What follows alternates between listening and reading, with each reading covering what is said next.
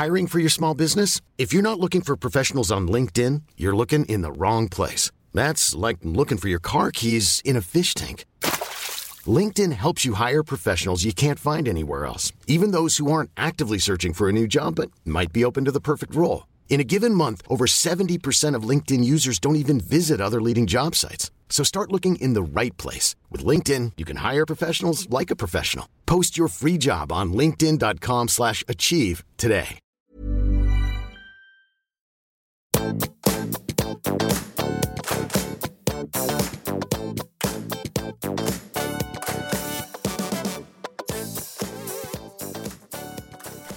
Hei, alle sammen, og velkommen tilbake til podkasten Karriereveiledning med Elaine. Denne gangen med en gjest. Og um, denne gjesten her er den første i 2023, og den første på lenge.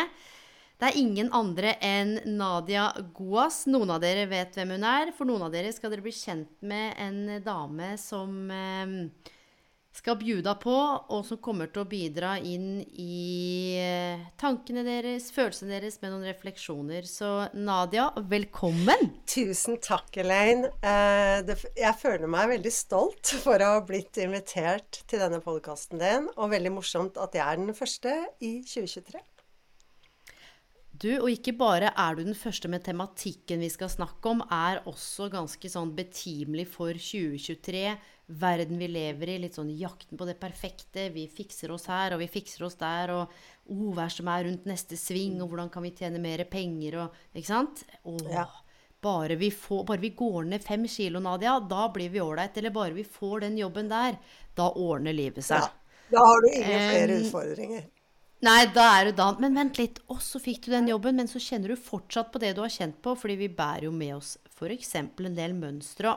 Noe av det som fascinerer meg ved deg, det er en del av de postene du har hatt på um, LinkedIn, og du er jo særlig opptatt av bl.a. dette med autentisitet. Så eh, kan ikke du bare snakke litt med oss om hva det er, og du, hvorfor er det egentlig så viktig? Kan ikke jeg bare komme på jobben og lyve litt, gå litt på kompromiss, surre litt, og så bare eh, kjenne at jeg liksom skammer meg litt når jeg lukker døra og kommer hjem. Mm. Altså, Kan jeg ikke bare gå rundt og være en annen enn den jeg egentlig er, eller blir det slitsomt? Ja, ja, ikke sant. Du kan jo fortsette å gjøre det, og så bli utbrent, f.eks. Ja. Ikke sant? Så autentisitet, for å, i og med at du ga denne fine introduksjonen, så kan jeg si litt sånn kort hva det er, da. Hvis jeg skal si det med én setning. Fordi det kan høres litt sånn eh, Hva skal jeg si for noe veldig sånn svært ut. Men for å si det helt enkelt, så er det din evne til å være deg. Til å være ekte. Si det én gang til.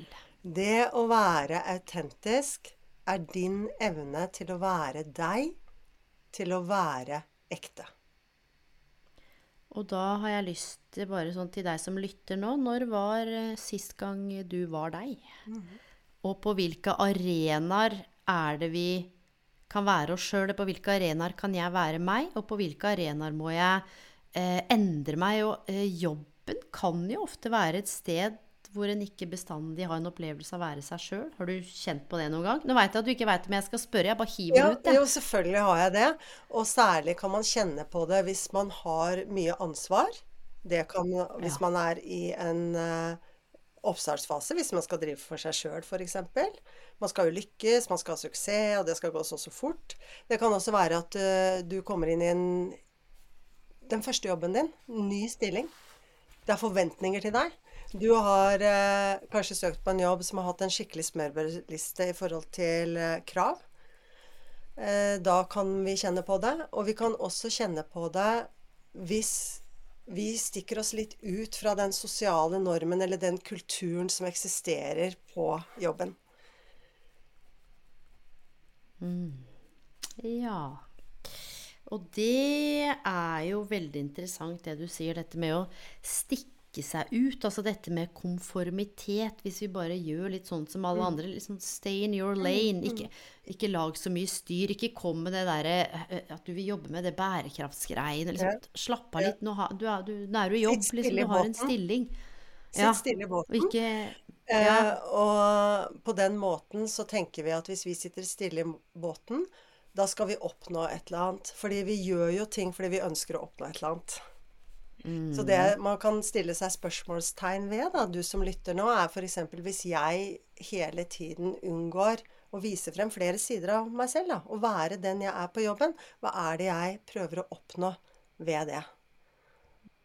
Og i utgangspunktet, hva er det det fører til? Fører det at jeg tror Og hvorfor jeg er også opptatt av autentisitet på jobb? Fordi at det, det hjelper oss med å være gode kulturelle arkitekter.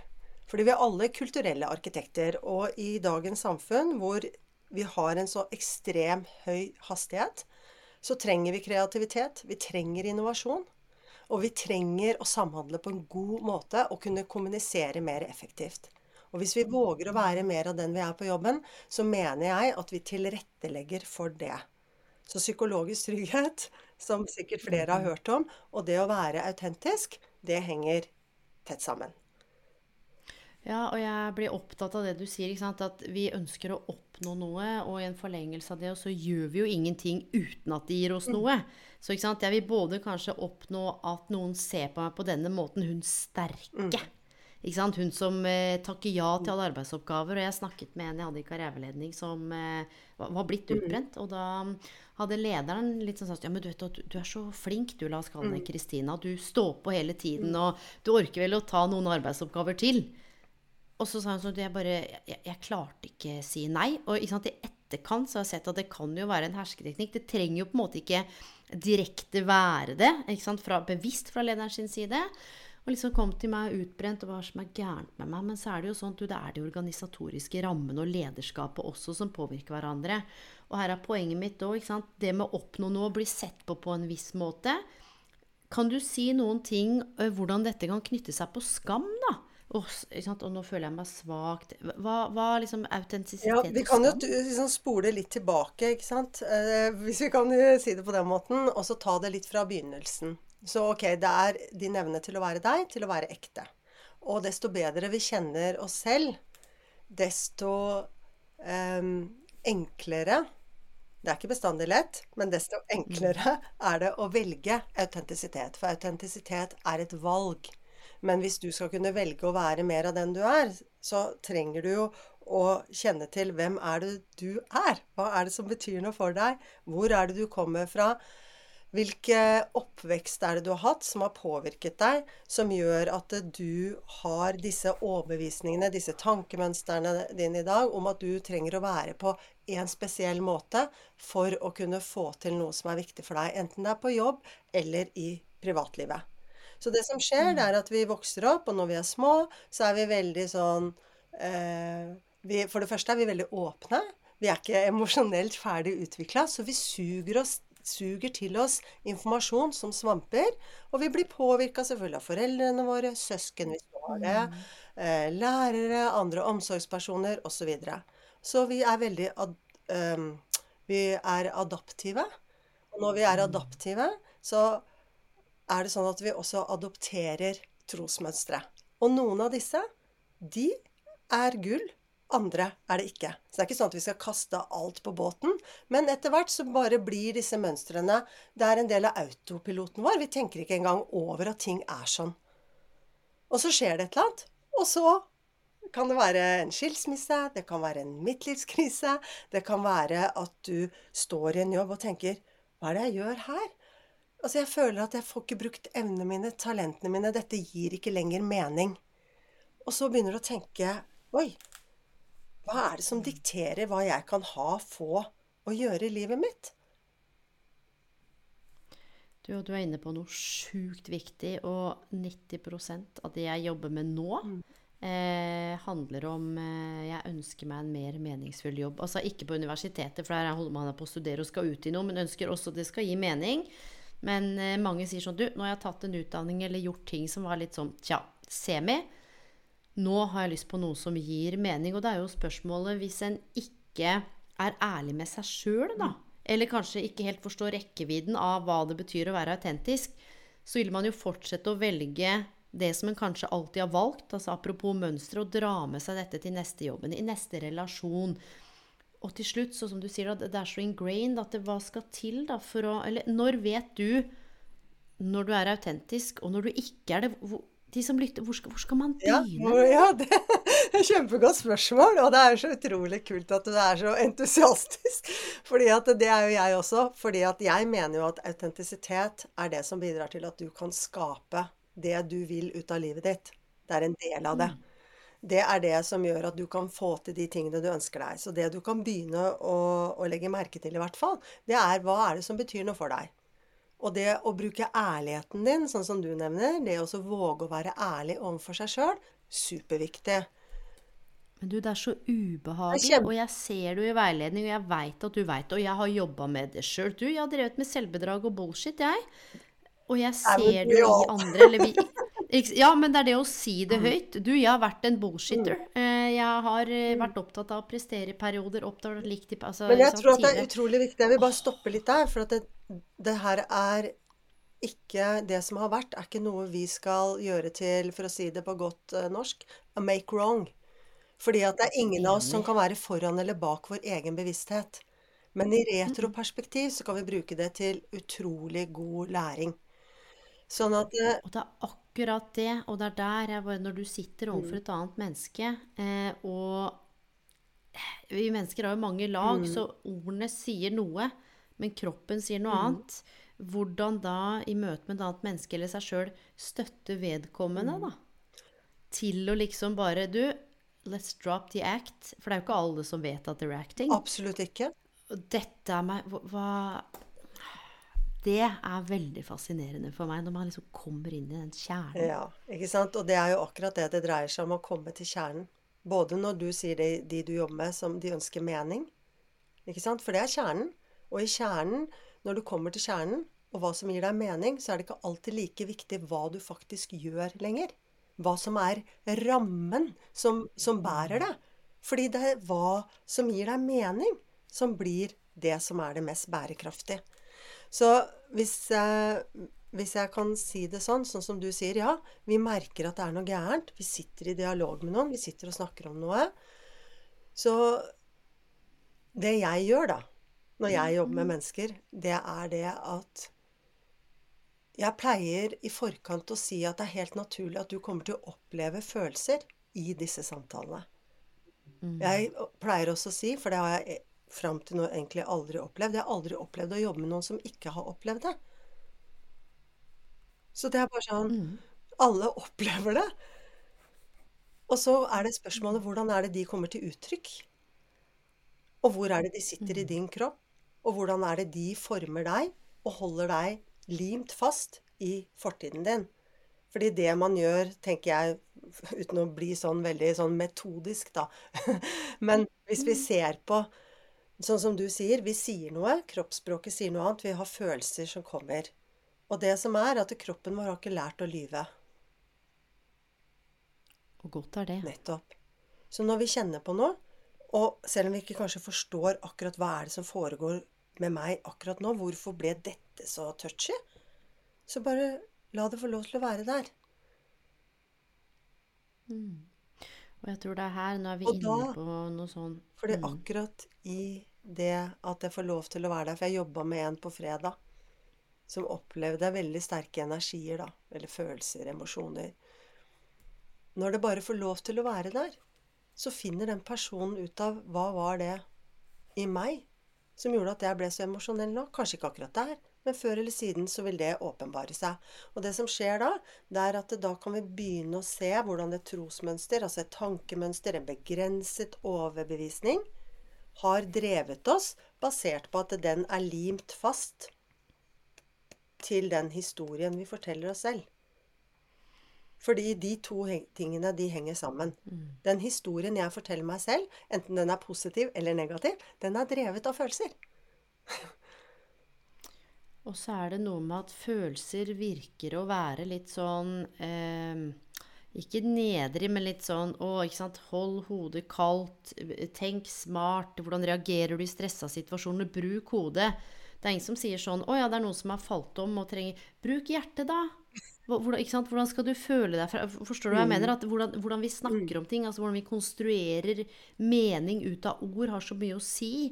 Og liksom tilbake til det vi snakka med sånn Ja, bare lesse på med arbeidsoppgaver. ikke sant? Den der, Eller oppnå noe. Oppnå følelsen av framstå som sterk. Mm. Hun ville ikke si du, uh, hvis det kommer mer nå, så tror jeg jeg kneler. Svakhet. Ikke sant? For henne. Apropos disse narrativene du nå beskriver, og da har jeg lyst til å spørre deg om en ting. Når er det vi eh, slutta å være oss sjøl? Tenker du det er et sånt paradigmeskift at oh, inn i det liksom postmoderne Eller nei, det var på 1800-tallet, fordi da skjedde det. Eller har, har dette her alltid vært oppe, liksom, til diskusjon? Sånn eh, Var det noen andre for 2000 år siden? Altså, Ja, det var jo en mann som Holdt jeg på å si. Ja. Eh, nei, vi skal ikke gå inn i den ruta der nå, tror jeg. Men for å si det sånn. Jeg tenker at eh, utvikling er en del av det å være ekte. Og dette er ikke noe end game. Så det er ikke sånn at du kan gå og kjøpe autentisitet på en flaske, og så drikker du den, og så er du ferdig med det. Sånn at det, det ingen, Vi kan ikke snakke om det å ikke være ekte når vi snakker om autentisitet. For det er ingen av oss som er enten-eller. Var det da Det, ok det å gå rundt og være både òg, liksom? Ja, for, Eller er, fordi at eh, ja. eksempelsvis, da, sånn som du sier, den personen som sitter på jobb, har en eller annen, mest sannsynlig, uten at jeg kjenner vedkommende, en opplevelse av at hvis jeg er på en annen måte, f.eks. mer tydelig, direkte, setter sunne grenser, så er det en del av meg som jeg ikke egentlig, den personen, har blitt venner med. Så den delen av meg vil ikke jeg vise til andre. Og det er noe vi lærer fra tidlig alder. Så hvis vi, hvis vi, hvis vi bare tenker sånn på individnivå nå, så vil jeg si det at fra tidlig alder så blir vi da påvirket, som vi snakket om innledningsvis. Vi adopterer alle disse trosmønstrene osv. Og så etter hvert så går vi på denne autopiloten, og så kjenner vi, sånn som du sier, du kjenner bare på et ubehag. Det er ikke sikkert du klarer å forklare hvorfor engang. Men mest sannsynlig så er det noe du ikke ønsker å bli oppfatta som. Og det er et lite hint. Men hvis ikke vi kan være tydelige, sette sunne grenser osv., hvordan i huleste skal vi få det vi vil ut av livet? Eller være en god kollega, eller være en god samboer, eller hva det måtte være. Og når det kommer til å være ekte og ikke være ekte, så, så tenker jeg, Elaine, at på noen arenaer i livene våre kan det være enklere enn på andre. Fordi at der har vi god trening. Der har vi selvtilliten. Der har vi selvfølelsen. Mens ja, du kan være toppleder. Bare skru av bryteren på jobb. Hjemme. Å, nei. Her er jeg mindre modig og mer i den derre komfortsonen. Her vil ikke jeg liksom rugge i båten. Så derfor så kan vi ikke snakke om å være enten-eller. Nei, og det er det perspektivet der eh, også vil ha frem og tenke på på karriere. Fordi vi er jo i ulike kontekster hele tiden. Og du, helt ærlig, noen kontekster krever noe annet av meg enn andre. Så det er noen mennesker jeg har lyst til å være meg selv med 100% grine hvis jeg må, være forbanna, ikke sant, skape. Og så er det andre hvor jeg tenker sånn Enten så tenker jeg at du fortjener faktisk ikke at jeg er helt meg sjøl, fordi For det er ikke en Sant? Energi, det er ikke en gjensidig Hvis jeg skal si det sånn, da. Det oppleves ikke som en gjensidig energiutveksling. Nei, og så kanskje ikke det er så viktig for meg heller. Og tenker jeg ikke sånn nå skal du høre hva som har skjedd med meg. Nå har jeg vondt. Er det mer sånn Du, det har vært en eh, tøff uke, og utover det så er det ok. Man, og for litt av poenget er eh, Mange tenker at ok, nå skal jeg inn og bli For jeg jobba en del med ikke sant, innenfor karrierevalg, og nå skal jeg endelig bli meg sjøl. Og plutselig så åpner man alle slusene på alle arenaer og hvelver ut alle historier, tenker jeg sånn.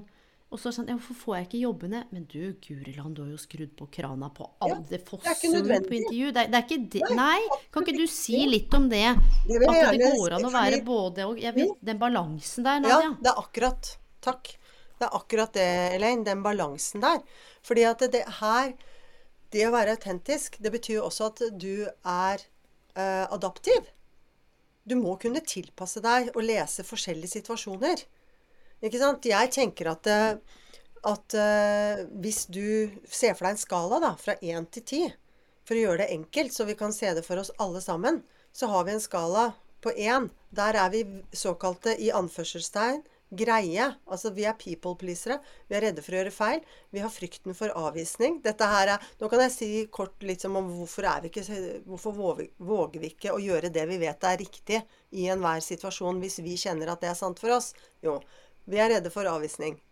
Vi er redde for at vi skal stikke oss ut i forhold til sosiale normer og forventninger. Vi er redde for å gjøre feil. Fordi herlighet Vi skal jo fremstå, som du sier, perfekt eh, eller sterke, så vi skal jo helst da ikke vise noe særlig følelser heller. Og så er vi engstelige for endringer, og da fortsetter vi å være i den komfortsonen vår. Så hvis vi bare tar utgangspunkt i at hvis vi er på en, mye på tallet mellom én til fire på den skalaen, så har vi en del frykt som vi trenger å utfordre litt hvis vi skal komme oss høyere opp. Hvis det er interessant for oss. Så når vi er fra fem og sånn seks, syv og oppover, så er vi mer adaptive. ikke sant? Vi er på jobb, vi må tilpasse oss. Ikke sant? Samtidig så, Og når du er adaptiv, så er du allikevel ekte der og da. Fordi du gjør det for helheten og for fellesskapet. Og så har du Ikke sant? Så hvis du kan tenke på det som Og så har du fra sju til ti. Der er det Det er ikke noe prutningsmann. Dette Sånn som, ikke sant? Her i dette miljøet vet jeg at jeg ikke kommer til å finne min plass. Det er for andre, men det er ikke for meg. Og der, det å vite det, vet du hva, av og til, eh, kjære lytter, så er det sånn Kanskje du, du er på en, på en, karrierevei. Man, man, har vært vant til å tenke om karriere som en sånn stige. Utdanning, jobb, klatre oppover stigen, komme på toppen. Og så kom du på toppen, og så kanskje det er to ting du innser. Nummer én, stigen er satt opp mot feil vegg. Så det var sånn Men skal jeg klatre ned når jeg har brukt så mye tid? Eller nummer to, du ser at stigen i ja, sola bak deg kaster en sånn slags skygge. Og der er den karrieren du alltid har drømt om. Ikke sant? Det kreative, f.eks. Eller eh, det å ikke ta over familiebedriften. Men der ligger liksom evne, talentene, ressursene. Det er det som gjør deg glad. Men det koster jo så mye å gjøre det byttet så, For jeg hadde jo en, og dette jeg snakket om i en tidligere episode, som var 58 år, og hun sa sånn Ja, det var noen som sa at jeg burde studere der for et par og 30 år siden, så da gjorde jeg det, og det jeg med inntil nå. Hun sa at jeg aldri snakka med noen om at det jeg har gjort i over 30 år, er ikke noe jeg vil gjøre. Og da slo det meg bare sånn OK. Da kan vi begynne å snakke om å være mer opptatt av eh, tilknytning og tilhørighet enn å være autentisk. Jeg må bare passe inn, ikke lage for mye støy. Og så kan jeg heller gjøre meg mindre eller være mer uekte enn ekte. Eh, og så så hun tilbake og bare Oi. Mm. Kan du tenke deg det? Og så veit Nadia altså, Dette er poenget, og det sa jeg litt i jeg har lagt ut en sånn liten snutt om at uh, denne episoden mm. kommer. Mm. Er du ikke enig? Det er veldig ledende. Uh, men, okay, jeg, jeg, tenker at vi alle Ja, men jeg vet at vi Jeg tenker at vi alle veit, Nadia. Du, mm. jeg veit når en relasjon ikke er riktig lenger. Jeg veit når jeg har måttet si opp jobben min. Jeg veit hvis jeg tråkker over en etisk grense. Jeg veit når jeg sier ja, men mener nei. Jeg veit det fordi, som du sa, the body doesn't mm. lie. Men så ignorerer vi det, og så slutter vi å stole på kroppens signaler og sjøl. Og så blir vi, så er det ikke sånn der bevissthet Sende signal Du er ikke så viktig. Bare gå på akkord. Du, ikke sett den grensa. Du, alle andre er jo mye viktigere. Og da Akkurat det du beskriver, da, sånn med Ja, hvor skal man begynne? Jo, begynne å sette av tid til hva som er viktig for deg. Men er, er, det en verdi? Er det et menneske? Sånn, er, det en modell? Har du noen steg? Ja, absolutt. Liksom? absolutt. Men før, jeg syns det var utrolig med hun, hun, du delte, eller han, eller Ja, det var hun, var det? Hun, ja. ja mm. Som du fortalte om. Fordi du nevnte også skam. Bare for å Ikke sant? Mm. Fordi det er jo disse sterke energiene som ofte driver valgene våre, hvis vi ikke er dem bevisst. Så Når vi først... Og når du sier energier, hva mener du da? Og jeg spør deg av all kjærlighet i verden, for noen kommer til å tenke ja. sånn Hva mener hun med energier? Er det sånn spirituelle greier? For det er ofte folk tenker. Sånn, eller er det hva er Nei, det? Altså når jeg snakker om energier akkurat nå, i denne settingen, mm. så snakker jeg om sterke følelser. Du, man, ja. vi, vi, bruker jo det i språket vårt. Jeg får energi av å trene. Ok? Hva er det du egentlig får? De aller fleste de har liksom ikke gått ned på detaljnivå. Det er energi for meg. Det er en kriblende følelse. Og jeg kjenner den, ikke sant. Men hvis vi bare tenker OK det, Du opplever et eller annet i kroppen din i systemet ditt. Mm. Og det kan være sterke energier. Sterke energier er skam. Det er frykt. Det er sterke energier. Og fordi de er så kraftfulle, men de har sin funksjon Jeg mener at alt har sin funksjon. Så dette Du, hokka hei, jeg er helt enig. Ikke sant? Så jeg tenker at det, det hun egentlig Eller ikke egentlig, det skal ikke jeg si, for jeg har ikke snakket med henne. Men når du snakket om det med skam, så tenker jeg at det er veldig mange av oss som velger en karriere basert på at vi føler at det vi egentlig har lyst til å velge, det er ikke bra nok. Og når ikke det er bra nok, så kjenner vi på den kanskje skamfølelsen eller frykten for at ikke vi vil være en del av eh, det å finne den tilhørigheten da, med andre, fordi at vi er flokkdyr. Så da velger vi heller det bort. Det kan hende at vi har vokst opp i et hjem hvor det har vært en er advokat, en er lege f.eks., og så har du et kunstnerisk talent. Og det er der du finner glede. Der finner du mening. Der bare flyter det. Du trenger ikke å å liksom Å nei, se på klokka når den ringer om morgenen. Du bare spretter opp. Du kjenner at du har energi på det. Det er det jeg mener med energi, da. Da kjenner du det. Det er godfølelsen. Men fordi at det har vært noen forventninger, og fordi at Ja, men det kan du vel ikke leve av? Det og videre. Vi har fått disse beskjedene. Og det gjør at OK, nei, men da velger jeg det i stedet, da. Fordi hva er det vi vil ha når vi er små? Vi vil ha tilhørighet. Vi vil ha kjærlighet. Vi trenger våre foreldres og andres eh, andre omsorgspersoner og mennesker vi har rundt oss, den bekreftelsen. Du, og vet du hva, jeg skal bare si noen ting i en forlengelse av det, fordi eh, det slo meg litt grann, akkurat det du sier der. At et barn skal aldri måtte jobbe for en voksens kjærlighet. Et barn skal aldri måtte være på en viss måte. Hvis du ikke gjør det, da får du ikke. Du er et sånn betinget kjærlighet. Og apropos sant, mangfold og inkludering, og det er lov til å elske alle. Så snakket jeg med en sånn Ja, sønnen min er eh, homo, men jeg elsker han uansett. Mm. Det er nesten så det. Så, så, så Det er jeg sånn men, men uansett hva da? Kan du ikke bare si du? eh, Jeg elsker sønnen min, punktum. Hva, hva, han, hva har det med saken å gjøre? Altså, vi hadde en ganske heftig, eller en spennende debatt, da. Eh, fordi apropos, sant, hvor han sa at du, han kjente jo på masse frykt. Dette var jo ganske nytt. Men jeg elsker han uansett. Tenk hvis jeg skulle sagt til sønnen min ja, du er ikke så flink til å rydde, men eh, jeg elsker deg uansett. Eller du, du vil ikke kle på deg og gå i barnehagen. Nei, men eh, ja, ja, jeg elsker deg vel uansett. Ikke sant? Apropos disse beskjedene, og det bare slo meg sånn hvor hardt, hvis en ikke er bevisst som foreldre, da. Barna må jobbe og begynne å redigere ut delene sine. ikke sant? Å, jeg har lagt merke til hvis jeg gjør det, så blir mamma kald. Da må jeg gjøre Det mindre er av sånn det. hele tiden Det Oh, er den Ikke sant? Det, det, det er gode eksempler på akkurat det vi snakker om. Det med å, å adop adoptere trossystemer og la det bli en del av det som former Yes. og styrer valgene våre. Men når det er er det- sagt, så vil jeg bare si eh, det at Og det er derfor det med autentisitet. Ok, hvor skal vi begynne? Dette er stort. Ja, det er et stort konsept. Men allikevel så kan vi klare å bryte det ned, og vi kan våge å bli mer ekte. Men når det er sagt, så vil jeg bare si det at eh, jeg tror alle sammen, eh, hvis jeg kan si det på den måten jo, Nei, jeg skal si det akkurat sånn som det er. ja, Vi har alle det. sammen hatt forventninger, eller så har vi forventninger til ting. Det å leve et liv uten å ha noen forventninger, det tror jeg nesten er umulig. Det vi skal begynne å undersøke, er hvilke typer forventninger er det vi har til oss selv. Og i karrieresammenheng også. I forhold til våre egne forventninger. Andres forventninger som vi da har adoptert, som vi kan ha med oss, som fortsetter å si ja, men dette kan du ikke velge, for da blir du ikke Da får du ikke til, eller da, osv., osv. Og så er det selvfølgelig i samfunnet som helhet, som du også var inne på. Mm. Så jeg tror det er viktig å bruke litt tid på å vende oppmerksomheten innover. Finne ut av litt av hva er det som styrer disse valgene mine? Hvor er det jeg kommer fra når jeg ikke våger å være den jeg egentlig er? Hvem sine forventninger er det jeg prøver å leve opp til? Og er de forventningene fortsatt noen som jeg har lyst til å strekke meg mot? For det kan også være noe du har lyst til å strekke deg mot. Eller er det sånn at de der, de har gått ut på dato for lenge siden? Nå skal jeg velge det som er mer sant for meg. Akkurat sånn som det står her og nå.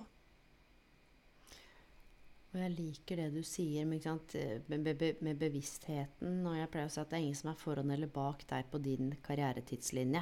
Ja, men alle andre Ja. Ja, men de Ja. Men hvem sitt liv er det du lever, da? Hvem sine karrieremål og karrieredrømmer er det du eh, jakter på? Liksom, og det er akkurat det her, da. Og så vet jo vi med karrieremodenhet at vi kommer til å endre oss. Som du sa, sa endringer. Har ulike roller, ulike livsfaser. Plutselig så liker du det, og så traff du noen, og så ble du inspirert. Men det er akkurat som om hjernen vår også Eller jeg kan snakke for meg selv da når jeg jobba eh, også med meg sjøl i, i mange, mange år. Og jeg er naturlig glad i variasjon og litt sånn uforutsigbarhet.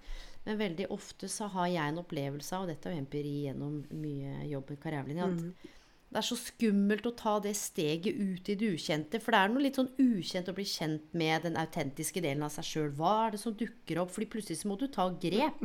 Og jeg har en teori, Nadia om at det er sjukt vanskelig f.eks. å gå inn til lederen og si sånn Du, jeg har en sånn merkelig opplevelse at du egentlig ikke liker meg så godt. Ja. Stemmer det? Altså, bare Hvis du har kjent på noe, for det er jo veldig ubehagelig. Men tenk deg, så hadde lederen sagt sånn Ja, det stemmer. Det er noe med atferden din som jeg syns er litt vanskelig. Og da blir jeg også rar rundt deg. Så kan du si sånn Ja, det er noe med atferden din nå. Hm. Jeg tror vi er redd for å spørre om de tingene vi lurer på, for vi er sykt redde for hva hvis svaret er noe som vi ikke klarer å håndtere, noe som påvirker ego. Eh, og da lar vi være å spørre. Du, det er best å ikke spørre. Du, ikke styr så fælt. Bare la det være, Nadia. I- Ikke, ikke, nei, ikke, ikke spør om det. Uff, det er litt sånn Nei, det skaper støy på jobben. Bare la, ikke ta opp den konflikten. La det være. For jeg hadde en annen, og hun sa det. Du, jeg kjenner at jeg sliter med å sette grenser og stå i konflikter. Så jeg bare sånn Ja. Mm, ja. Mm. Og da er jo spørsmålet, så sa hun sånn Så kommer jeg hjem. Og så blir jeg gæren, fordi det må ut. Og hun sa det, stakkars partneren min, nå trenger jeg litt sånn SOS. Og jeg tror mange kan kjenne seg igjen, fordi alt dette her, Nadia, hvor, hvor blir det av? Hvor blir alt dette her av som vi bærer med oss? Da, Alle disse tankene og følelsene. Det er akkurat det. Det blir ikke av noe sted. Det er akkurat det du sier der, Elaine. Det, det kommer til overflaten enten du liker det eller ikke. Det er akkurat som en sånn badeball som du prøver å presse ned om sommeren. Og du prøver å presse, men uansett så popper den ballen opp. Så ja, jeg har kommet hjem fra jobben, jeg. Og så tar jeg meg sjøl etterpå at herlighet, hvorfor var jeg sånn nå? Jo, for det er det som plager meg. Det er det jeg ikke har tatt tak i. Så det vil komme ut i atferden vår, enten vi er det bevisst, ubevisst, eller vi føler at vi er det begge deler. Det kan være at du, noen også Nei, jeg tar det ikke opp, men jeg tar meg en treningsøkt til. Nei, jeg tar det ikke men jeg har noe god sjokolade i skapet. Åh, jeg er blitt eh, innmari god vinkjenner, jeg.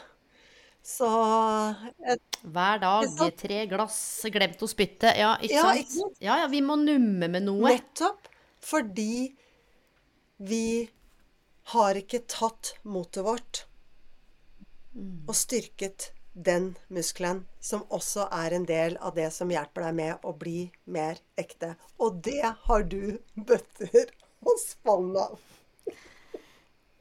Ja, det, det, er, det er sju podkastepisoder i seg sjøl. Men jeg fikk lyst til å spørre deg om noe som ikke du Du veit jo ingen Vi har ikke noe manus. Vi Ja, bare vi bare snakker ut fra hjertet og sjela.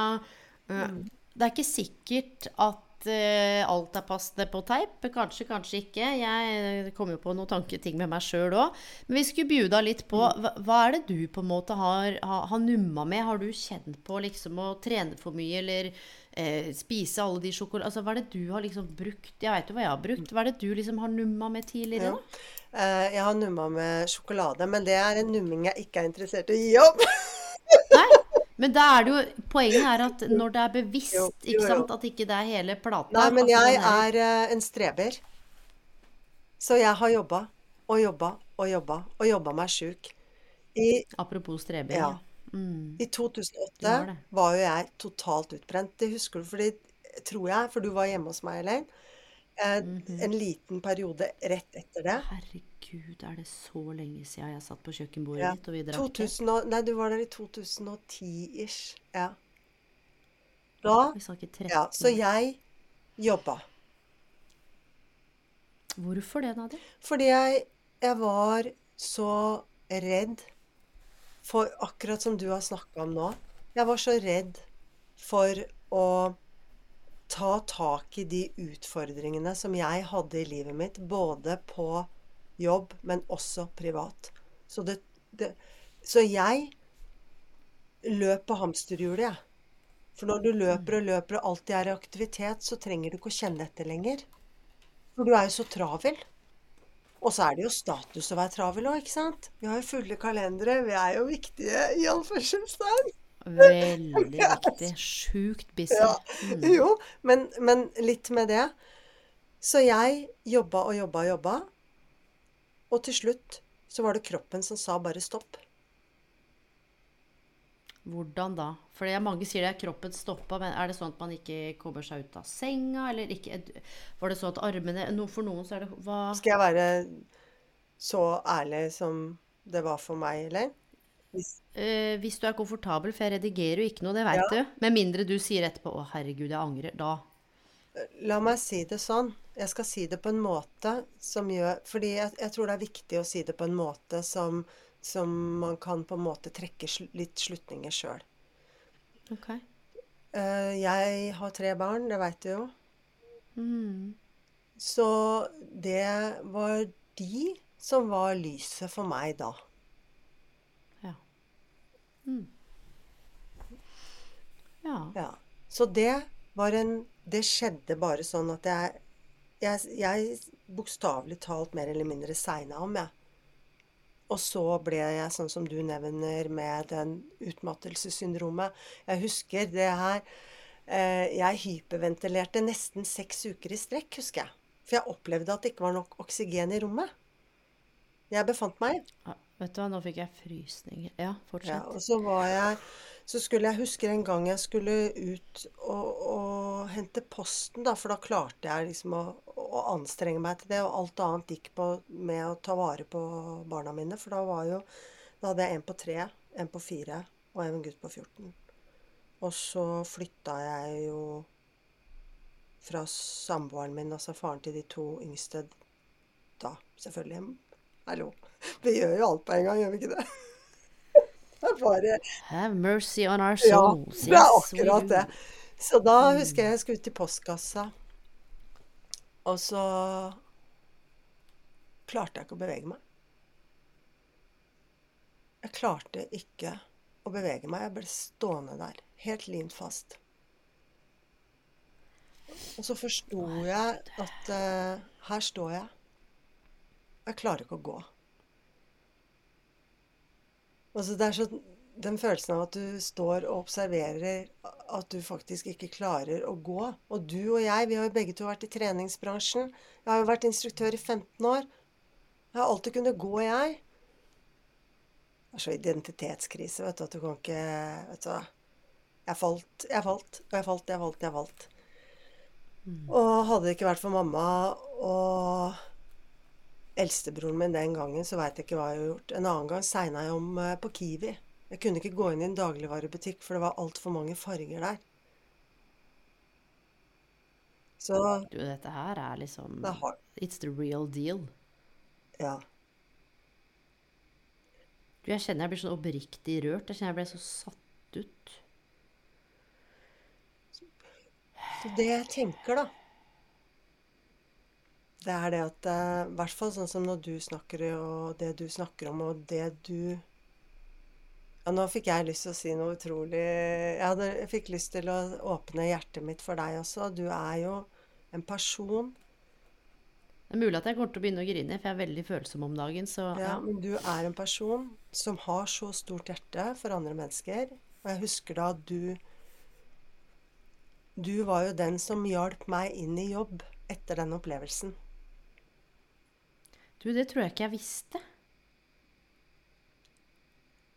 Du, Nadia, det visste jeg ikke. S sånn, på en Jo, måte. men det sånn var, som du det, det men det var litt av det som uh, Som ble den veien, fordi Er i etterkant Jeg hadde en annen jobb før det.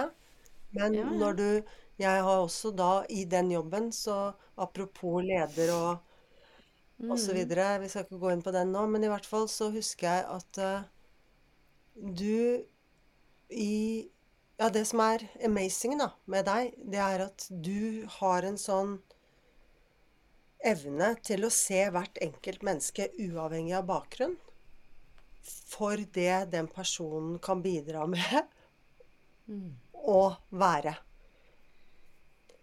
Jeg vet ikke hvorfor jeg fikk lyst til å si dette nå, men det, jo, men det har du, og det er så utrolig uavhengig om dem er derfra eller derfra eller sånn eller slik eller ditt eller datt, så ser du mennesket for det det mennesket er. Og for meg så er det Jeg vet ikke hvor det her kom fra heller, men er bare Det er Ja, du snakker om å ha lederegenskaper. Ja, det er ikke Takk. Det er ikke ofte jeg blir sånn her eh, Det her visste jeg jo ikke heller. Vi, som sagt, vi har jo ikke noe manus, du og det her. Når jeg satt på kjøkkenbordet ditt altså det var sånn, Vi har jo møttes gjennom sant, treningsbransje, men vi har aldri vært noe eh, nære sånn vi før det. Og så ja, endte jeg på hos deg. Vi drakk te, snakka litt. Eh, for det, det jeg har lyst til å liksom gi lytterne som bakteppe, er jo den fantastiske jobben du gjør med mennesker. Og dette tenker jeg er en sånn sjukt fin overgang fra nettopp det eh, Du vet hva, du frøys.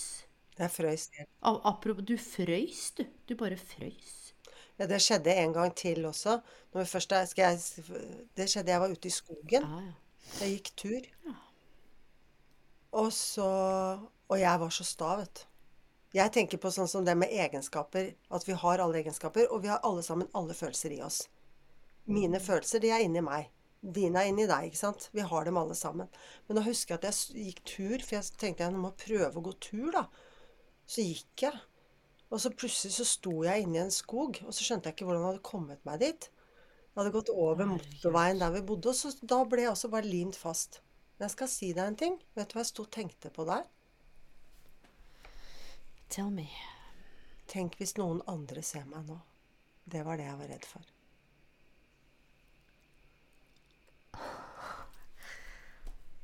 Ja, vet du hva, jeg, var, I'm speechless. Det var det jeg var redd for. For jeg skulle ikke være svak.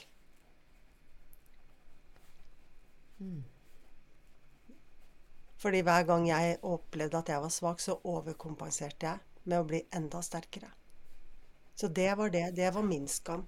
Tenk hvis noen ser meg nå, mislykka, klarer ikke å bevege meg. Det var ikke 'Å, jeg skulle ønske at noen kunne komme og hjelpe meg'. Det var det siste jeg ville. Du, vi, vi, vi mennesker er så vet du Jeg veit at folk kjenner seg, Nadia. Det er det som er så vilt med at du bare We opened up. Altså, nå er det Hva heter det? Full åpning. Nå er det jo podkastfødsel. Eh, men jeg, jeg Tenk deg det. In, sånn, in despair så er det akkurat Ja. dette alle andre, og hvordan det preger oss på jobb, i relasjoner, med barna våre. Med, tenk deg Og jeg, nå skal jeg si noen ting eh, som bare er meg og mitt perspektiv, og som jeg løfta fram i podkasten som var òg. At jeg har jo hatt, stått i et samlivsbrudd, vi har jo et barn. Vi har jo fordelt sånn som vi har gjort, og vi møtes jo og henter sammen og har vært veldig nøye på dette med å samarbeide fordi, for barnet vårt. Og hvis du snakker om å kjenne på følelser jeg, jeg, Det har kjentes ut som jeg har hatt 6487 følelser som har fyrt samtidig, eh, med tilhørende tanker. Og så, ikke sant eh, Dette er meg. Og så hvis du tegner sånn sirkler rundt meg igjen, ja, så har du vennene. Og i den så er det familien. ikke sant? Alle skal mene noe på sin måte, og alle skal komme med sin story på sin måte. Og noen sier sånn Du, dette kommer til å gå fint. Og her er poenget mitt. Eh, tiden leger alle sår. Og så blir jeg litt sånn Men du, ok, så hvis det har gått 30 år, og jeg ikke prosesserer en dritt, eller tar meg sjøl, eller er autentisk og tar følelsene mine på alvor, tror du at om 30 år at det er sånn eh, Nå klapper vi alle sammen, nå har det gått bra? Du, hva er det for noe, liksom? Apropos da du står der ute i skauen, redd for å bli sett, og på en eller annen måte så kommer du deg derfra. Eh, og så er det sånn Du, dette går over, vet du, Nadia. Det er bare en sånn fase. Uff, du er litt sliten, du. Det er ofte sånn en kan bli møtt med sånn Du, du er så sterk og flink. Men det er liksom det der akkurat eh, For min del, da. Det er helt riktig. Det er helt riktig. Eh, og den derre flink pike-syndromet, eller, eller flink gutt for den saks skyld. Ikke? Du, du overlever, du, men det er også litt med at det, det er ikke alle som kan holde, holde det der. Og det skjønner jeg innmari godt. Fordi at hvis noen hadde kommet til meg og fortalt det, uten at jeg har vært i tilsvarende situasjon sjøl, så hadde jeg hatt problemer med å kunne klare å forstå rekkevidden av det. Men det er klart, vi blir ofte sånn Det er ofte klapp på skulderen og du, du klarer deg og sånn. Og det, jeg tror det er ofte velmenende. Å ja. Å, Ja, intensjonen er jo intensjonen er der. Men Men når du står oppi noe som er veldig krevende, eh, på denne måten som jeg gjorde den gangen, så trenger man som regel eh, profesjonell hjelp på en annen måte. Enten det er i form av at eh, At du oppsøker noen som kan dette og kan håndtere det.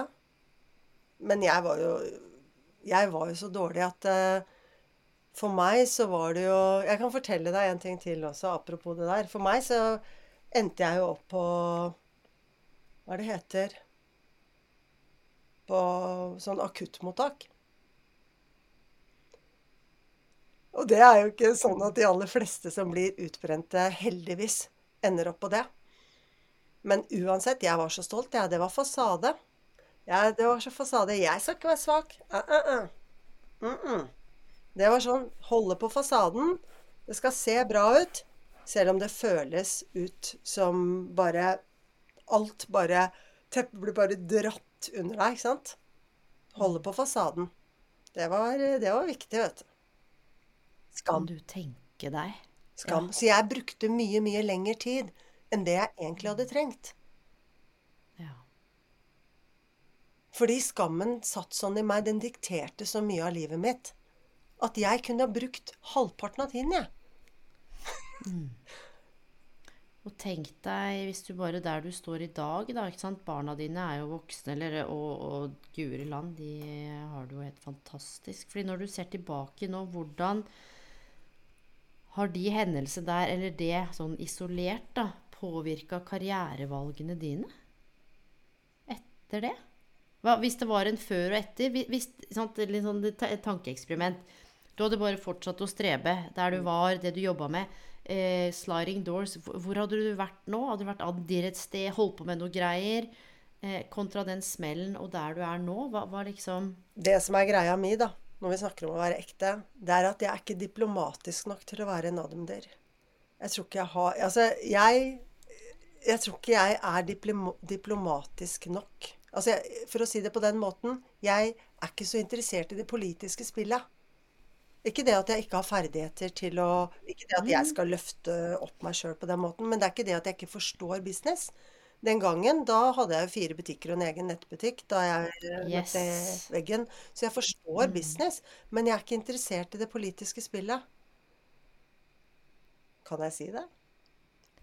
Du, jeg kjenner jeg smiler fordi Ja, det tenker jeg er sjukt befriende at noen bare sier høyt. Ja. Og jeg, Ah. Hva er det som gjør at du lurte på om du kunne si det? Jeg jo, vet det var litt retorisk, men er det Jo, fordi at jeg, jeg tror at en del av det hvis du ønsker å klatre, da.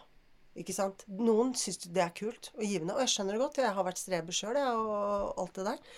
Så, og jeg liker mål og, og jobbe mot ting og sånn. Det er ikke sånn at uh, jeg, Altså, jeg kommer alltid til å være virksom.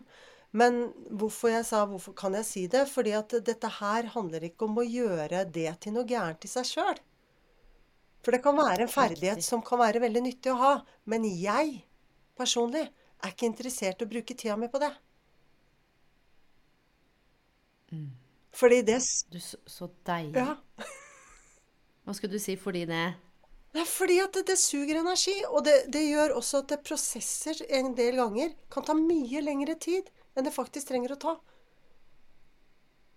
Også innovasjon.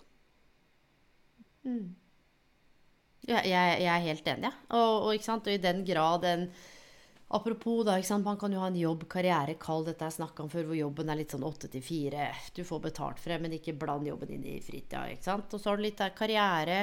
Syns det er spennende å avansere litt. Eh, kanskje klatre litt i det politiske landskapet, men også liksom Ja. Eh, være glad i menneskene og ha med seg og se hvor langt kan jeg nå.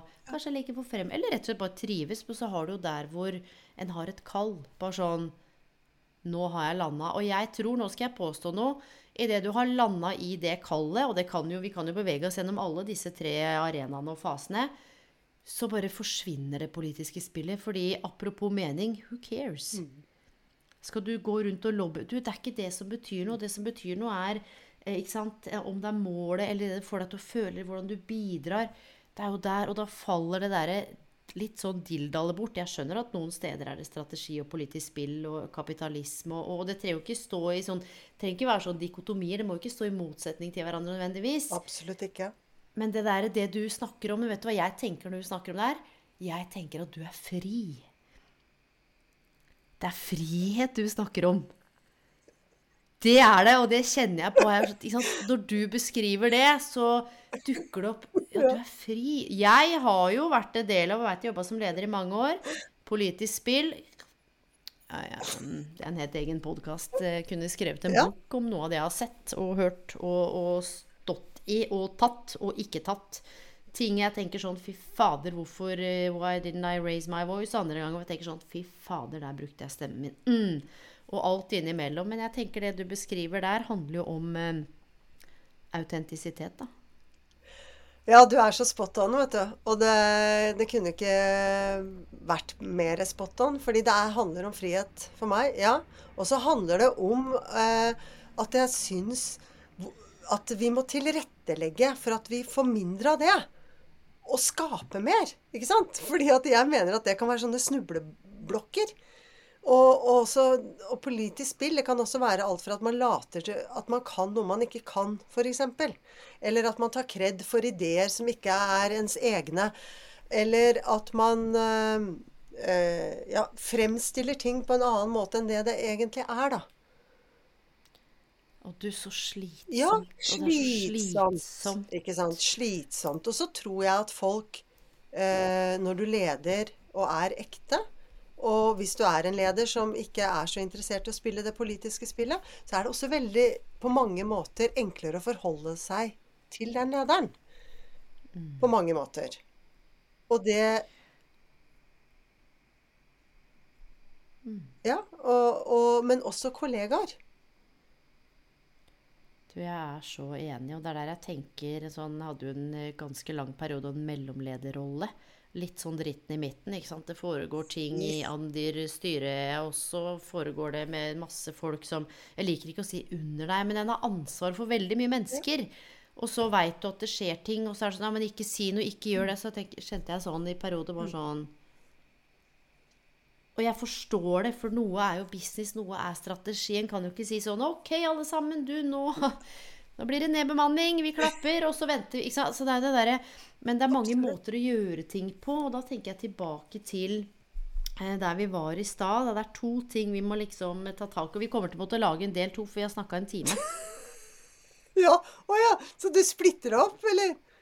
Nei, nei, ikke det her. Vi fortsetter litt til, men så kan det være at Ja, vi, ja. vi avslutter, og så lager vi en, en del to, eh, hvor også vi kan åpne opp for spørsmål. Når er det lytterne opplever at de er autentiske og ikke? Hva er det de lurer på? Og så kan vi løfte opp det og knagge det på karriereutvikling, karriereveiledning, karriereplanlegging. Absolutt. Eh, og jeg syns du er så sjukt klok, så, så vi må liksom bare få tak i det ene her, og det er eh, den smellen av den berømmelige veggen. Ikke sant? Hva, hvor ville du ha vært hvis ikke? Og hva er det det førte med seg som en nå? Ikke sant? Ikke er en wrongdoing, men i retrospekt har ført deg til denne utdanningen, denne måten å være på i verden. Dette har du valgt bort. Uh, your being. Hvordan blei det liksom avgjørende for karrierevalg? Altså for meg Hvis jeg Ja, jeg skal jo selvfølgelig være ekte her nå. Let's cut the crap. For meg så er det sånn at uh, when all the dots are coming together Det er den følelsen jeg sitter med når jeg jobber med mennesker som det jeg Når jeg jobber med dem sånn som jeg gjør i dag. Da ser jeg at alt jeg har opplevd, har hatt en mening. Alt fra å bli mobba da jeg var liten, da jeg var liten. Alt fra å bli aleine med en gutt da han var tre uker. Alt fra å ha konflikter på jobben med nærmeste leder. Alt fra å være naiv og følelsesstyrt og ikke ha hodet med seg, osv., osv. Så, videre, og så, videre.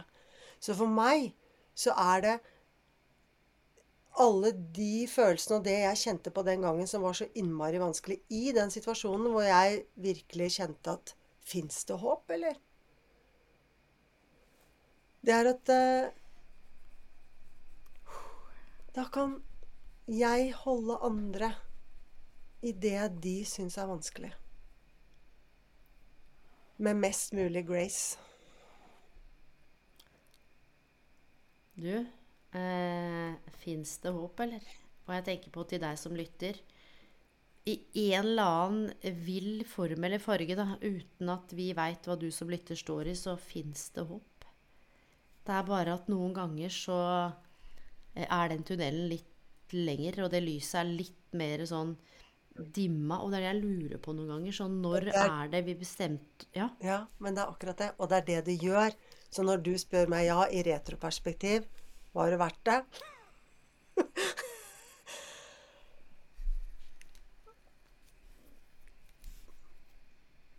Ja, men det skal aldri skje igjen.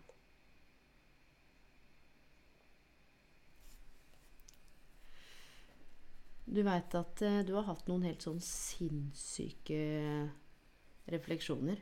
Mm. Noen av de ting du har sagt. Ja, det var verdt det, men det skal aldri skje igjen. Og nå veit du hvordan Mm. Jeg kjenner det. du Jeg merker det. styrer det. Mm. Og akkurat det som du sa med 'fins det håp', eller? Og, og dette med den tunnelen hvor det virker relativt mørkt. Eh, men et eller annet sted der ute på en eller annen måte så er det noen som står i det samme. Noen har kjent på noe. Det jeg trenger ikke være helt likt, Nei, nei. men Og det der å kunne åpne opp, og det betyr ikke at vi skal hvelve ut alt, ikke sant? Som jeg sa på det intervjuet. Sånn 'Å gud, og så var jeg helt nedbrutt i tre år, har så vidt kommet meg, jeg vil gjerne ha den jobben'. Og det kan godt være tilfellet, men ikke sant, kommunikasjon og hvordan vi pakker inn ting, og hva, hvordan narrativene våre Og da Det var verdt det, men du skal aldri dit igjen. Og da lurer jeg på hva, hva er det du gjorde for å underbygge det? Da, type, som du, vi, har, vi jobbet jo sammen i en periode. Er lenge, vi jobba jo ikke sammen sammen, men vi var jo på samme lokasjon.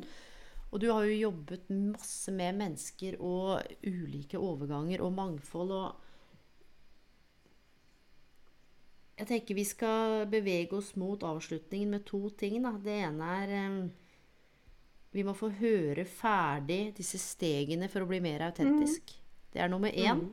Nummer to um, Hvor er det vi kan finne ut av mer om deg? Og nummer tre Kanskje vi skal spare utdanningen og resten av karrierereisen din til del to. Ja. Ja. For det betyr at du må komme tilbake. Ja, Men jeg vil gjerne komme tilbake. Ja, Du kan ikke la den henge. Da kommer du til å tenke sånn Hva skjedde med Nadia? Hvor blei hun av? Hva Studerte hun?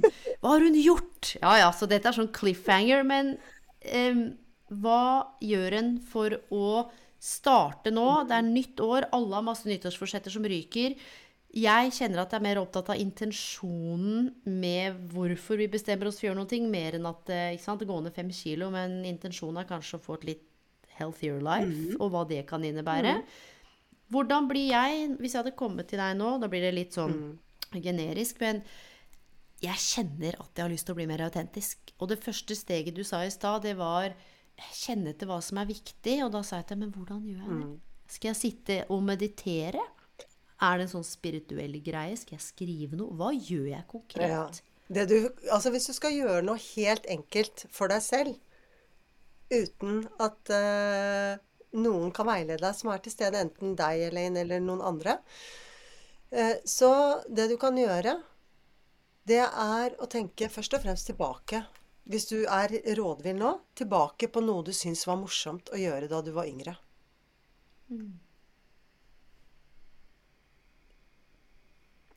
Bare begynne å tenke liksom Hva var det jeg syns øh, var morsomt å holde på med? Som, som ga meg energi, og som ga meg Som stimulerte gode følelser i meg. Hvis jeg skulle svart sånn helt off the Ja. bat nå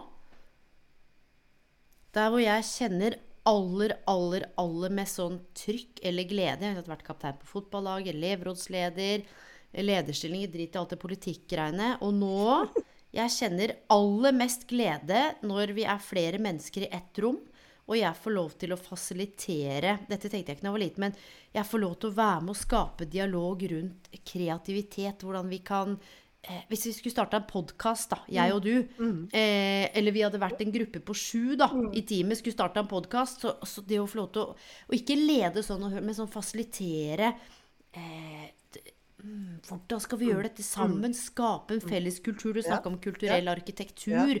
Hvordan er alle like viktig? Hvordan kan vi få fram mangfold? Altså, Der er du inne på noe, ikke sant? For da er du inne på noe som er essens, som gir deg verdi. Så da oversetter du det til hva er det ved det som er så viktig for meg? Kan du spørre deg selv om da. Jo, det er å samhandle. Ok, da har jeg en verdi. Samarbeide med andre. Samhandle med andre som har den interessen for kunnskap og utvikling. Det er viktig for meg. Da begynner jeg liksom å gå litt nærmere hva er det som betyr noe. For det er noe med å finne ut av For at du skal kunne praktisere og bli mer ekte og autentisk, må du først finne ut av ok, hvis kunnskap betyr noe for meg, hvis ærlighet betyr noe for meg, hvordan er det jeg praktiserer de to i dag? Ikke sant? Og dette her tenker jeg hvis du øh, Så går det an å dra det litt i den andre enden av skalaen nå. Fordi jeg har jo jobbet mye med mennesker som mange skulle tenke seg.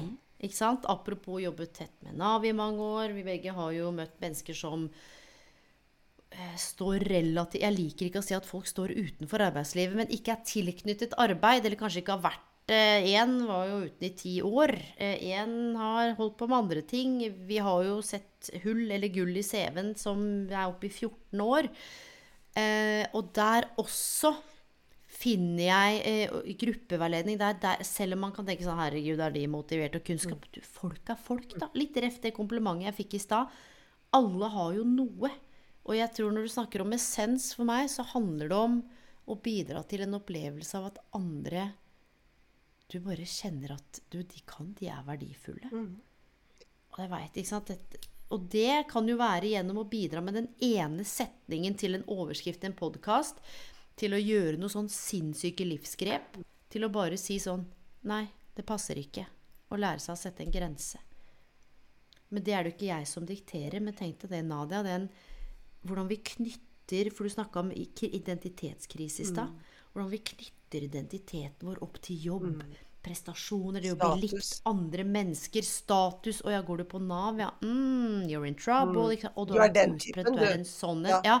Og hvordan vi stigmatiserer og putter på Å, du kommer derfra. Ja, der er det vel ikke. Så bare Å ja, ok. Og da, ikke sant. Så hvis den begynner da å kjenne etter sånn som du sier Hva er det da liker å gjøre, likte å gjøre? Hva kan neste steget være da? Neste steget som jeg syns er viktig, er å se på eh, Hvis vi bare tar det helt kort, da, å se på hvordan er det jeg praktiserer det? Hvordan er det jeg lever det? Ja, For det er handling som skaper forvandling. Det er der du viser hvem du er. Så hvis du f.eks. tenker at ærlighet er viktig for deg, da Som lytter, du som hører på, at det er viktig for deg. Ok, hvordan er det du praktiserer din ærlighet? Ja. Ikke sant? Okay, da, da, For da kan du begynne å se Ok, nå er jeg i denne situasjonen. Jeg snakker med Elaine. Og Elaine Nå bare ta et eksempel. ikke sant? Og jeg snakker med Elaine, men nå føler jeg at eh, jeg har lyst til å si at jeg egentlig trives så godt med de oppgavene hvis du hadde vært min nærmeste leder da. Men det er noe som kommer i veien. Jeg sier det ikke, selv om jeg har lyst til å være ærlig. Da er det jo en avstand mellom eh, det som betyr noe for deg, og den du er, og det du faktisk gjør.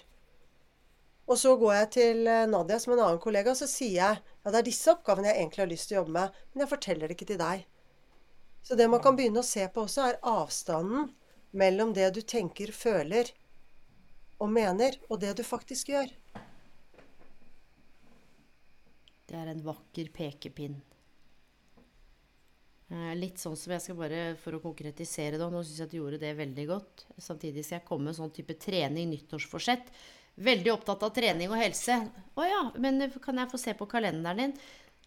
Eh, ja, nei, jeg har jo ikke trent på et par måneder. Men hvorfor står det ikke i kalenderen? Nei, du, jeg fikk det ikke inn i kalenderen. Å nei, så du sier at du er opptatt av Men ikke sant, apropos, gjør du? Nei, men er det viktig for deg da hvis det ikke du gjør? Så det du kommer med der, apropos inn i det nye året the knowing, eh, altså Jeg skal ikke si 'knowing doing gap', men det du Akkurat det du sa, det du tenker, føler, mener, kjenner på, og hva som kommer til uttrykk. Ja, nettopp. og hvor stor er Yes! Gjenspeiles det, og hvor stor er avstanden? Hvor er du på skalaen fra 1 til 10? Hvis jeg hadde sagt til deg, du eh, Hvis tid er sånn het krise, jeg bare går rundt og sier og tenker og mener og følger ringen hva, hva, hva, du, hva skulle vi ha gjort sammen da? Hvis du bare hadde gått rundt og Og, og tenkt og ment og følt, men jeg sa aldri ifra. Jeg var bare sånn inauthentic. Jeg var bare opptatt av at alle skulle like meg, skulle prestere. Og så kom jeg til deg, for jeg hadde lyst på en endring. Ja, det første vi hadde jobba med, det er, en, det er visjonen din. Fordi når du sier at du har lyst på en endring, så har du allerede begynt å tenke på hva er det du kan tenke deg. De aller fleste mennesker vet hva de kan tenke seg mer av. Så da hadde vi begynt å se på visjonen din, for en visjon er noe du oppdager i deg.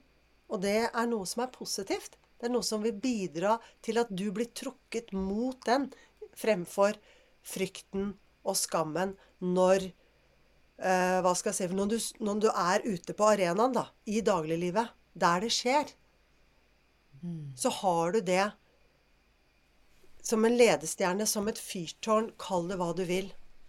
Og det er noe du oppdager i deg. Det er ikke noe du finner på eller finner opp. Så den bærer du med deg. Fordi Og det her Det her da, det, har var ikke meningen å avbryte for det, men det her Men nå peker du på det her som er kjernen.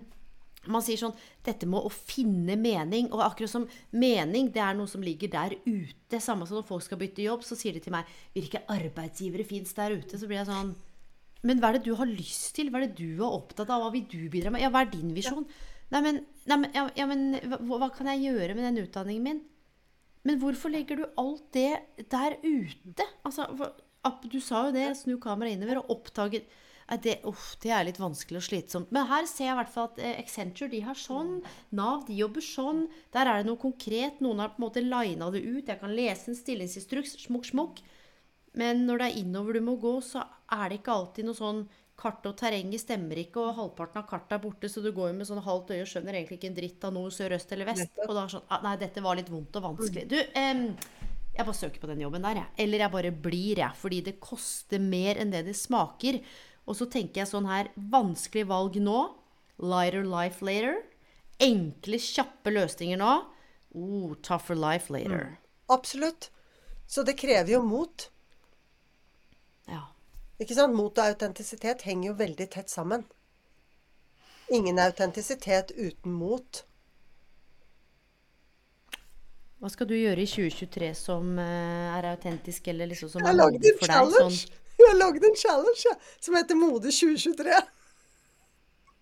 Tell me! Nå er vi litt sånn mot slutten. Ja, Bruk jo. litt tid på å fortelle det, og hvor vi kan finne ut av mer Jo, om deg. fordi at det mot, ikke sant, det er jo evnen til å overvinne den frykten som vi møter på. Frykt har vi med oss. Det er ikke noe sånn vi skal Vi skal ikke Vi blir, skal ikke bort, nei, vi liksom. blir ikke kvitt følelsene våre. Det er bare sånn Det er en sånn derre OK, her står jeg stange veggen mot veggen, og det kommer jeg til å fortsette med. Vi blir jo ikke kvitt dem, men vi kan bli kjent med dem. Og så kan vi velge å overvinne dem ved å bruke motet vårt. Og motet vårt, det er noe vi tar. Det er noe vi tar, som vi bestemmer oss for å ta. Nå tar jeg motet mitt, og så gjør jeg det. Ja, for det er jo uttrykket 'nå tar jeg mot til meg', og så ringer jeg på Nettopp, for du tar det. Det er ikke sånn at Men er det ingen som kommer og gir det til Nei. deg, på en måte? Du tar motet ditt, og det er som Vi bruker ofte muskler, ikke sant, som en, uh, et eksempel. Så det er som å styrke den muskelen, motet. Det er så bra når du, nå er det så bra når du gjør av biceps curl. Nå, er liksom, nå holdt du på med sånn intens biceps curl. Du skulle bare liksom Yeah! Så det innebærer ja, jeg ser det på Ja, deg. for det Ja. innebærer risiko, det. Å ta det motet. Ikke sant? Når du helst ikke vil. Til og med å gå inn og bli kjent med deg sjøl. Da må du ta motet ditt. Sant? Så du tar det motet. Så står du for det du tror på. Og så om du møter motstand, så møter du motstand, men du tar motet ditt. Og så kanskje endrer du deg, og ting endrer seg osv., men du tar det. Og så, etter hvert, så blir du mer og mer modig. Fordi du, du tar tar det, og så vil du erfare at ja, jeg kjente på en frykt, men jeg ser jo at Elaine tør det. Ergo så må det jo være mulig for meg også. Du kan jo hente inspirasjon hos andre mennesker som har gjort ting som du har lyst til å gjøre. De har tatt motet sitt. Du har to armer og to bein. Du kan ta ikke, altså, altså Da snakker jeg om, Mm, generelt om oss alle sammen. Vi har to armer altså, Det var kanskje feil uttrykk. Du, vi klipper ikke noe Nei, her. men du skjønner hva jeg mener. jeg, jeg skjønner hva du, Du mener. Og så tenker jeg ja, og så tenker jeg litt sånn også at eh, eh, vi skal få lov til å bruke språket vårt. Og du, det var jo ikke noe galt i å si det. Nei, Altså men det var bare bein, fire armer. Ja, I know. ja, you know, Du, Nadia, alle det, skjønner det. Ja. det jeg bare mener med det, det er at hvis du kan ta det motet ditt, Mm. da kan du inspirere meg til å ta mitt. Yes, og det er akkurat det som er poenget. Og det er derfor jeg tenker om vi sier fire bein, to armer, lyst hår altså, du, That's besides the point. Og jeg tenker også litt sånn i dagens ikke krenkesamfunn, for man må være veldig forsiktig. Du, det er lov til, apropos å være ekte, hvis jeg skal gå og Oi, nå sa jeg eh, eh, og- Ja, men altså det jeg bare mener med det, uansett hvem vi er, hvordan vi ser ut, så kan vi finne forbilder. Enig. De fins overalt, de. Og vi kan bruke disse forbildene til å styrke motet vårt for å bli mer ekte. Og for å ta det. Ja, ja. Ja, ja, ja. Du bare fortsette å snakke. Ja, det. Jeg Bare syns du var så veldig engasjert og nydelig, Ja. så jeg bare tok et lite bilde av Ja, sånn at det jeg tenker da, det er at det- Ja, altså mot. Det skaper eh, handling, og da erfarer vi følelsene våre. Og da kan vi se at ja, men jeg kan jo være med denne frykten. Som en annen eh, som jeg kjenner som skal være med i den challengen, Modig 2023, sa Men jeg dør jo ikke av det. Nei, nettopp. Vi blir bare mer og mer modige.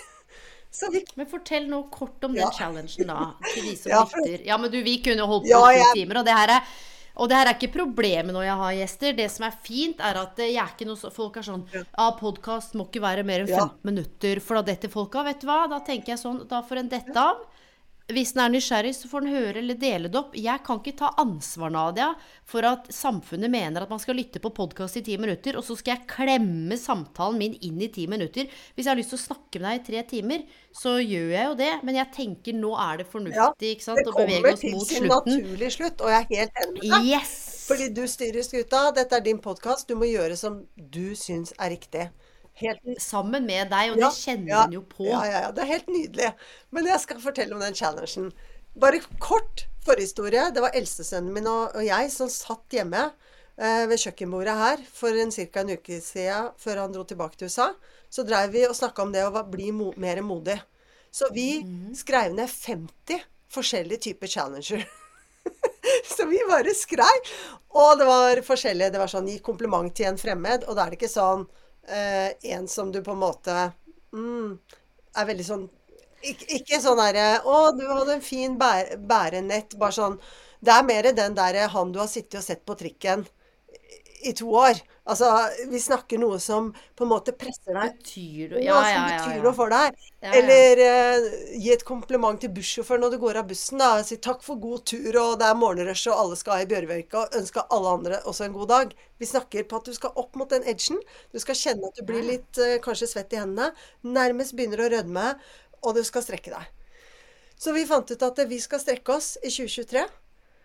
Og dette bestemte vi oss for å gjøre uansett. Så sier jeg til han at ja, men jeg kan jo invitere andre folk inn på den challengen. Ja, det kan du gjøre som du vil med. Jeg kjører sammen med min kompis. Og så tenkte jeg ja, men da lager jeg en challenge. Så jeg laget en lukket gruppe, og jeg slipper tre utfordringer. Altså challenge, utfordringer, kall det hva du vil. Det er engelsk inne på den nettsiden, ikke det jeg skriver osv., ja. ja. men du vet rammene rundt det. Tre stykker hver 14. dag. Og det starta på søndag. Og da ligger det tre utfordringer. Så kan du ta utfordringene, og så kan du ta bilde av deg sjøl lage video og skrive kommentarer under etter du har gjort den, hvis du vil, og dele med resten av folka. Og så har vi en liten chat hvor vi kan skrive til hverandre. F.eks.: ah, 'I dag skal jeg være med på podkasten til Elaine. Kjenner at jeg er litt nervøs. Er det noen som har noen tips til meg?' Ja, du kan f.eks. bla, bla, bla. Så jeg vil at det skal være en dynamikk, og at vi bidrar til at vi kan ta motet vårt og strekke oss i forhold til der hvor hver enkelt er. For det handler ikke om å sammenligne seg med andre. Det handler om at alle har noen drømmer, noen ønsker, noe de har lyst til å få til i 2023. Og mest sannsynlig så krever det på et eller annet nivå at du tar motet ditt. Og her får du små utfordringer som vil bidra til Det er i hvert fall ønsket og intensjonen med å skyve deg fremover og gi deg vind i seila.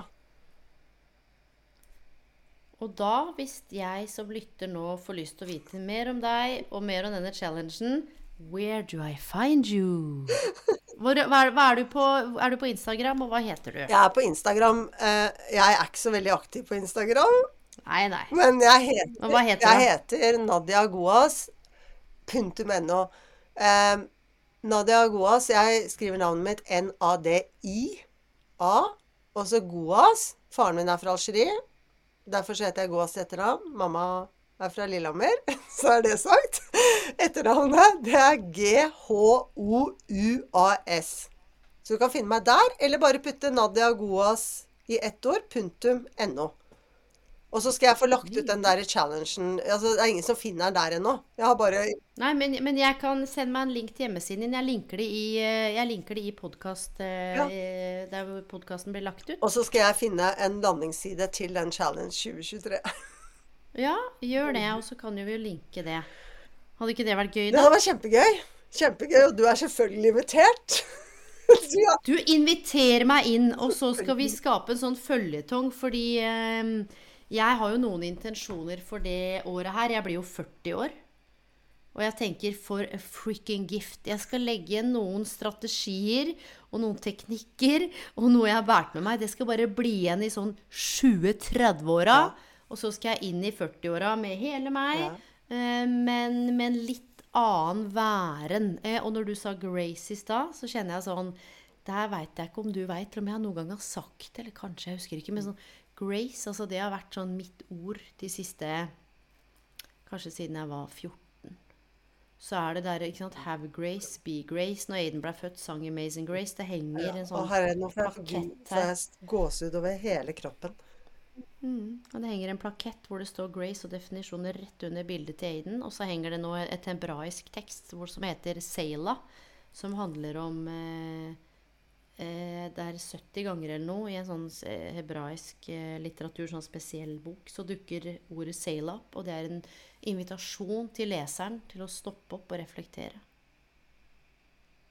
Så Seila henger også der. Det å vite at når noen sitter i stua mi og snakker til meg, så lytt og reflekter. Ikke, ikke kom med greier. Bare be present, be grace. Eh, og så får en jo det samme tilbake. Han er jo ikke en intensjon å få tilbake, men det skaper jo noe i dynamikken. Og nå sitter vi digitalt, og neste gang så tenker jeg da kommer du fysisk. Men nå var det dette vi fikk til. Eh, men Nadia Gås, du er på Facebook også, Nadia, og LinkedIn.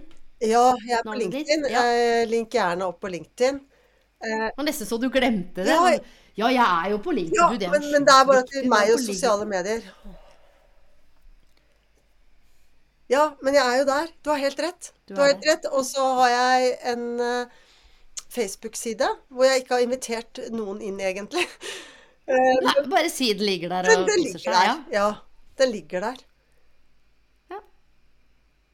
Og så ligger den der til du er klar til at den ligger der, men med noe mer enn det. Og da, det, det skjer. Apropos ingen er foran eller bak, it's coming. Ikke sant. Du Nadia, avslutningsvis. em, hvis du skal liksom øh, gi lytterne én eller to ting du bare, ikke sant? Det er masse, masse fine folk som lytter i hele verden. Vi snakker fra 14 til nesten 70 år. Ja, ja, USA, Tokyo. Eh, Riktignok eh, som skjønner norsk, da. eh, Fordi, I og med at det går på norsk. Hva er det du har lyst til å dele eller fortelle som du liksom skulle ønske bare Åh, den innsikten her. Hvis du hadde hatt den, eller hva, hva liksom, er det viktigste du har lyst til å dele nå før vi avslutter?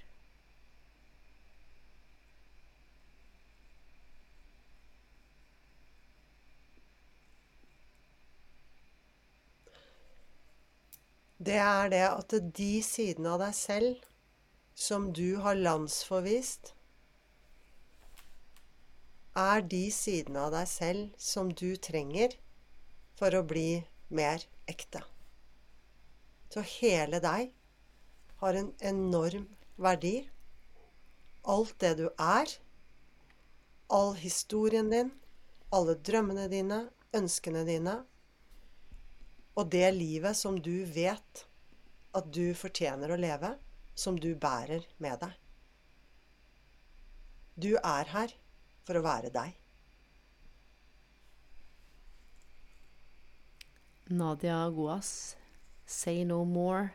Til deg som lytter, ja. Namaste. Uh, hun gjorde namaste til meg, det kan jo ikke dere se. Vi hadde en liten sånn grounding exercise før vi begynte, uh, som jeg likte at du tok meg gjennom. Til deg som lytter, jeg håper en tanke, en følelse, en inspirasjon Kanskje du kjenner noen som kjenner noen som uh, ja, du tenker dette har jeg lyst til å dele. hvor enn du er i verden. God helg, god natt, god kveld, god morgen. Og ikke minst, Nadia, takk for tiden din. It's been a blessing. Uh, og jeg kjenner også på mer grace og mer mot. Så håper jeg vi snakkes om ikke så altfor lenge. Samme til deg, Eller. Tusen hjertelig takk. Det var kjempefint. Ha det.